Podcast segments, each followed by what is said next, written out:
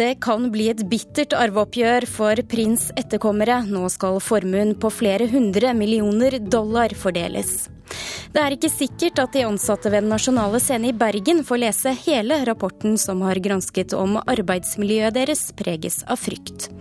Forfattere, forleggere og bibliotek vil være misfornøyde med det nye utlånssystemet for e-bøker, mener Nasjonalbibliotekaren. Dette er Kulturnytt, i dag ved Stine Tråholt. Prins etterlot seg ikke noe testamente da han døde for en drøy uke siden. I går kveld og i natt norsk tid var familien hans samlet i retten for å finne ut hva som skal skje med arven på flere hundre millioner dollar og rettighetene til musikken hans. Petter Aagaard, forfatter av biografien om prins Sjokkadelika. Tror du at det ligger an til en eh, skikkelig familiefeide her om arven? Prince skrev en låt i 1986 som heter For Kiss, og i den låta så synger han eh, You don't have to watch Dynasty to have an attitude. Og da refererer han selvsagt til TV-serien Dynastiet fra 80-tallet. Og det viser seg selvsagt at uh, hans liv var akkurat slik som den TV-serien. Her har vi også halvsøsken, uh, kanskje noen barn som dukker opp. Dette er en ekte amerikansk intrige, og det kan jo sies også at Prince forlot sin mor og far allerede som 13-åring. Og da har han egentlig ikke hatt noen kontakt med sin familie siden det. Og han kjenner nesten ikke disse halvsøsknene. Så det her er altså en skikkelig intrige som kommer til å vare i mange år framover. Så at, å kalle det her for spennende, det er en that's a understatement. Men han døde uten å etterlate seg noe testamente. Overrasker deg? Egentlig ikke. Dette var en meget meget eksentrisk person. Siden 1998 så har han vært Jehovas vitner, så det har på en måte vært hans familie. Og han tror ikke på kontrakter. Kontrakter er contracts, ikke sant. khan som at man er fanga i et i disse hva, hva som står i, i skrevet i, på black. Og da er det altså slik at uh, han trodde nok at han kom til å leve for alltid, og han hadde ingen planer om å dø skulle man tro, men så viser det seg at det er noen hint på Instagram og Twitter som han sjøl har hinta til de siste ukene, om at ting ikke har vært helt som det skal være. Og så var han enormt produktiv. Eh, det er jo nesten ikke til å tro, men han har bygget seg opp et helt hvelv av uutgitt musikk. Hvor mye er det snakk om her? Vel, du kan uh, bruke metaforen uh, isberg. Når du ser et isberg flytende ved Nordpolen, så ser du bare the tip of the iceberg. Han har gitt ut ca. 1000 låter offisielt. That is the tip of the iceberg. Under det isflaket så ser du altså over 2000 låter som ikke er gitt ut. Og som han sjøl sier, de låtene han skrev med Miles Davis, de mest seksuelle låtene, de mest råere låtene, de ga han aldri ut, for det var ikke publikum klar for.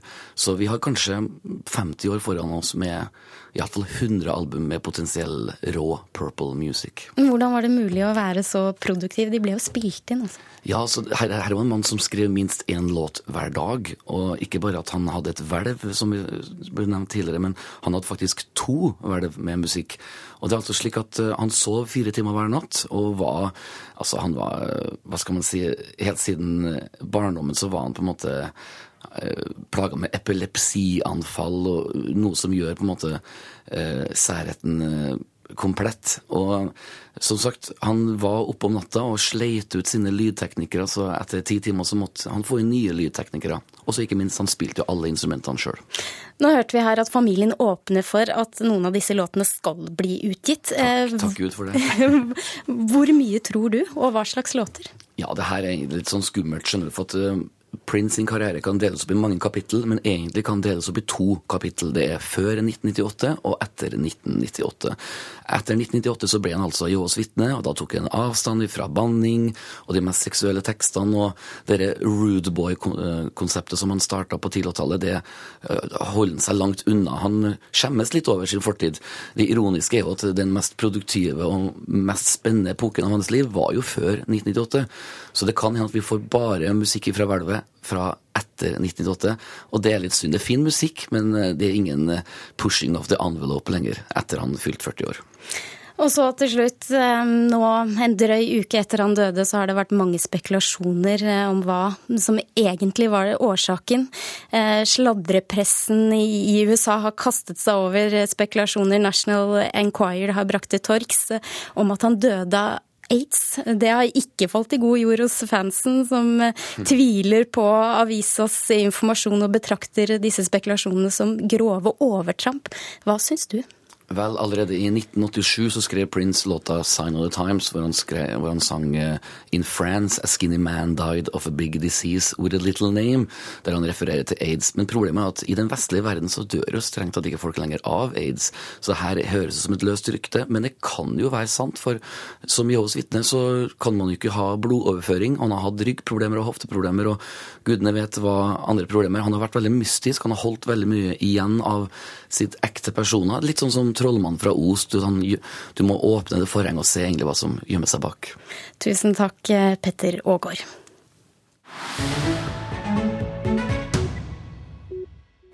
I dag så skal TV 2 presentere en ny strategi i et allmøte for de ansatte. Ifølge bransjenettstedet Kampanje innebærer planen store kutt og en betydelig nedbemanning. TV 2 bekrefter at de skal holde møte, men vil ikke si noe om detaljene før de ansatte er informert. Forfatter Henrik Langeland reagerer sterkt på at Cappelen Dam vil endre et utdrag av romanen hans. Det skriver VG. Utdraget skulle brukes i leseprøver for tiendeklassinger, men ordene faen og ræva er blitt endret til søren og elendig for å unngå å provosere noen, ifølge forlaget. Langeland mener at dette var et forsøk på sensur, og nektet forlaget å endre teksten. Og det endte med at teksten ikke ble brukt i prøvene. Det er ikke sikkert at de ansatte ved Den nasjonale scene i Bergen får lese rapporten om arbeidsmiljøet sitt. Denne uka så ferdigstilles granskingsrapporten som har vurdert om lederstilen til direktøren ved teatret kan ha skapt en fryktkultur blant de ansatte. Styreleder ved teatret, Sine Sundland, understreker at personhensyn er viktig. Åpenhet er viktig, personhensyn òg veier tungt. Så det må vi vurdere konkret når rapporten er overlevert. Hittil har granskeren frikjent teaterdirektør Bente Hartved Ringstad for skuldinger om lovbrudd. Nå gjenstår spørsmålet om direktøren med manipulering og trakassering har skapt en fryktkultur ved teatret. Leder for gruppa av tillitsvalgte og verneombud ved DNS, Tom Harry Halvorsen, mener rapporten må gjøres tilgjengelig for de ansatte. Ja, størst mulig offentlighet rundt dette. Man ønsker å offentliggjøre rapporten. I hvert fall på huset. Men Sundland tror i utgangspunktet ikke at verken de ansatte eller media vil få tilgang til hele rapporten. Det jeg eh, ser for meg vi kommer til å gjøre, det er å dele eh, det som er konklusjonen og hovedpunkter og læringspunkter. Men jusprofessor Jan Fridtjof Bernt ved Universitetet i Bergen avviser at DNS kan holde tilbake granskingsrapporten. Nei, altså Det blir jo eh, galt å holde rapporten som sådan eh, hemmelig. Grunnen er at teatret ikke er et privat selskap, men statseid alle dokumenter som kommer inn til et offentlig organ, de skal være offentlige. Rett nok kan teatret holde tilbake sensitive personopplysninger som eventuelt kommer fram i rapporten. F.eks. opplysninger om helseproblemer eller personlige problemer. Men det kan da ikke være opplysninger som går på at de har gjort en dårlig jobb og som knytter seg til jobben. Eh, hva som har vært gjort som var galt eller riktig.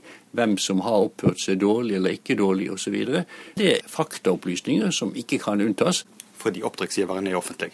Ja. Men for styrelederen er det også viktig at de som har forklart seg for granskeren, må vernes mot å bli gjenkjent i rapporten. Vi skal være så åpne som mulig, samtidig som vi har ansvar for personhensyn. Reporter Leif Rune Løland, og direktøren vil ikke kommentere spørsmålet om offentliggjøring før hun selv har lest rapporten. Du hører på Kulturnytt, og klokken er nå 15 minutter over åtte, og dette er hovedsaker i Nyhetsmorgen. Kreftpasienter som er rike eller har høy utdanning, får oftere operasjon enn andre. Det kommer frem i en ny studie fra Kreftregisteret. Britene ser til Norge for å få færre helikopterulykker, men Norge ser motsatt vei for å spare penger. Det er risikabelt å lære opp lokale grupper å slåss mot IS. Vi vet ikke hvem de norske soldatene trener opp, mener norske eksperter. Selv om de utgjør en eh, foreløpig liten del av bibliotekenes utlån, er e-bøker det man har kranglet mest om i norsk bokbransje de ti siste åra. Det sa nasjonalbibliotekar Aslak Sira Myhre da han i går la fram sitt forslag til en ny modell for nettopp utlån av e-bøker på norske bibliotek. En oppgave han ikke så spesielt i fram mot. Hei alle sammen, og velkommen til Nasjonalbiblioteket.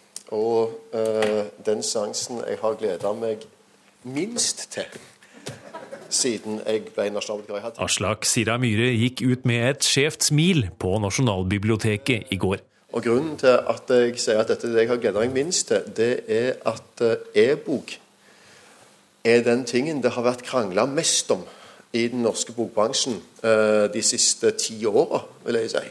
Og det er dette nasjonalbibliotekaren nå vil forsøke å gjøre noe med. Hvordan? Jo, ved å anbefale en ny modell for e-bokutlån på norske bibliotek. Den er både detaljert og vanskelig, og i prinsippet veldig enkel. La oss holde det enkelt.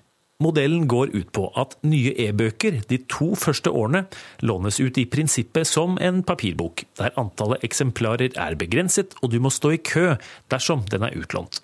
Men etter to år forsvinner denne begrensningen, og alle som vil kan låne boka når de vil, mot at biblioteket betaler rettighetshaverne per utlån. Tusen takk for oppmøtet. Først og fremst er vi veldig glad for at det har kommet en modell nå. Vi har venta på det. Eh, det har gått sakte. Biblioteksjef Kristin Danielsen ved Deichmanske i Oslo så for seg at modellen kan komme til å by på økonomiske utfordringer.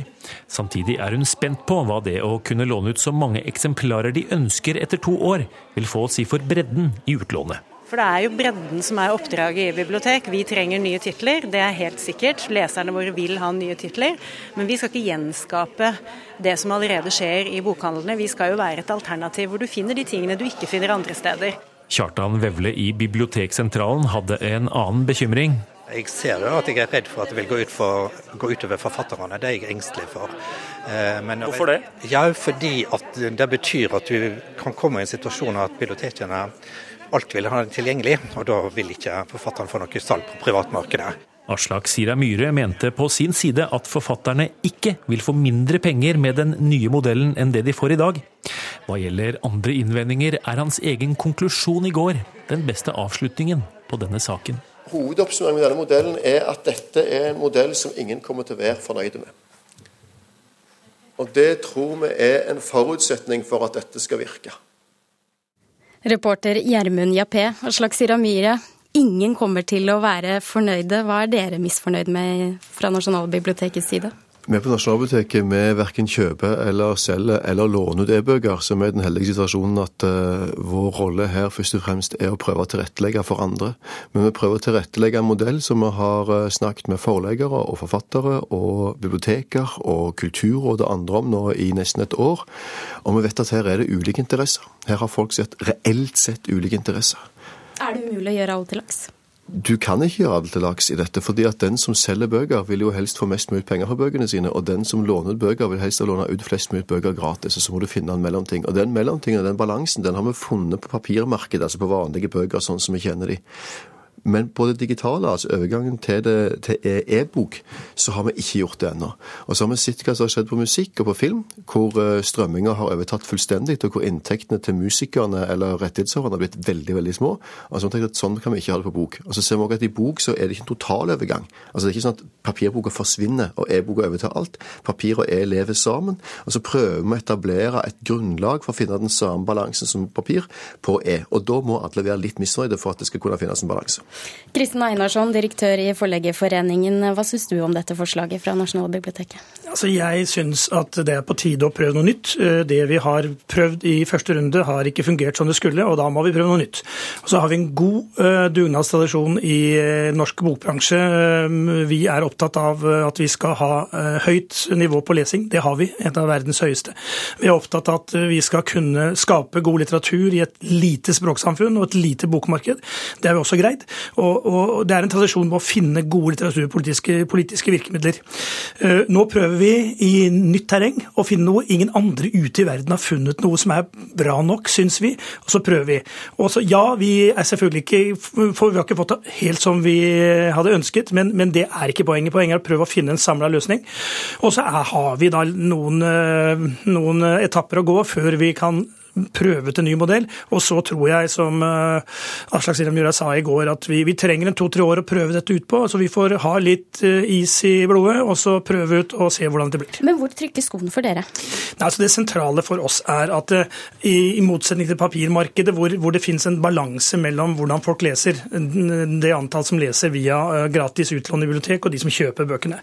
I, på e-boka er situasjonen helt annen. Tre ganger så mye, bortimot tre ganger så mye på utlån som på, på salg. Og, og, det er en modell med og vi må huske på at e-bok er et veldig lite marked. Eh, og, og, og, da blir ikke det en bærekraftig kommersielt marked. Så det er det, er, det er det, ene. Og da kan vi si Det er to løsninger på det. Det ene er å finne en bedre balanse. Og den andre er å sørge for at eh, rettighetshaverne, altså forlag og forfattere, får bedre betalt. Nå skal denne ordningen eh, testes ut. Vil forbrukeren merke noe forskjell her? Ja, det vil eh, forbrukerne. Jeg liker ikke det. Det er lånere, boklesere. Eh, de går ikke og kjøper noe på biblioteket. Du, eh, du får et gratistilbud. Og det gratistilbudet blir utvida.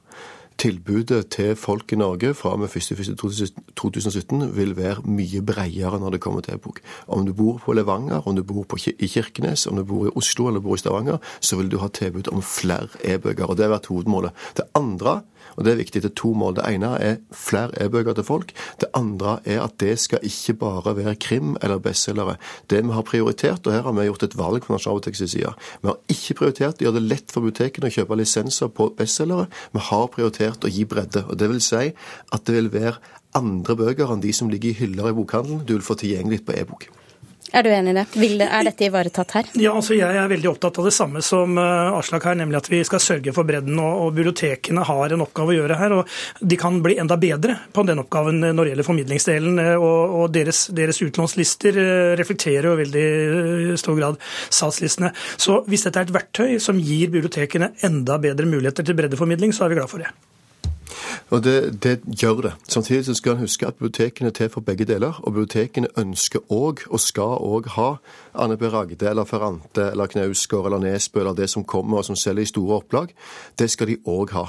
Men eh, i valget mellom det og bredden har vi valgt å gjøre det sikre og jobbe for tilgjengelighet til den bredden. Og det er det folk vil merke.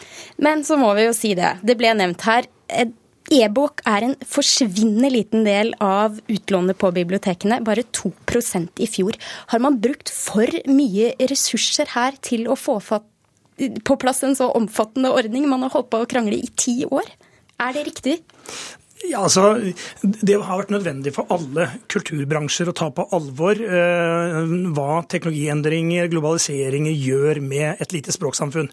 Og, og Derfor så må vi, må vi, ha tatt det på høyeste alvor. Det vi vel både vi og mange andre har eh, feilvurdert, det er jo hvordan leserne vil lese bøker. I hvert fall eh, i den nærmeste framtid.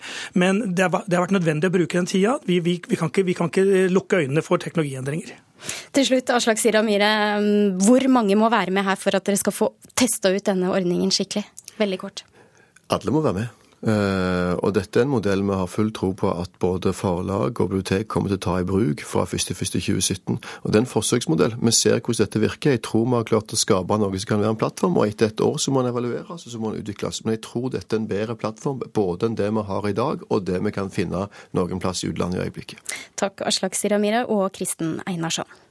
Kulturnytt er eh, slutt. Eh, produsent for sendingen Ugo Farmariello. Og nå overtar straks Dagsnytt.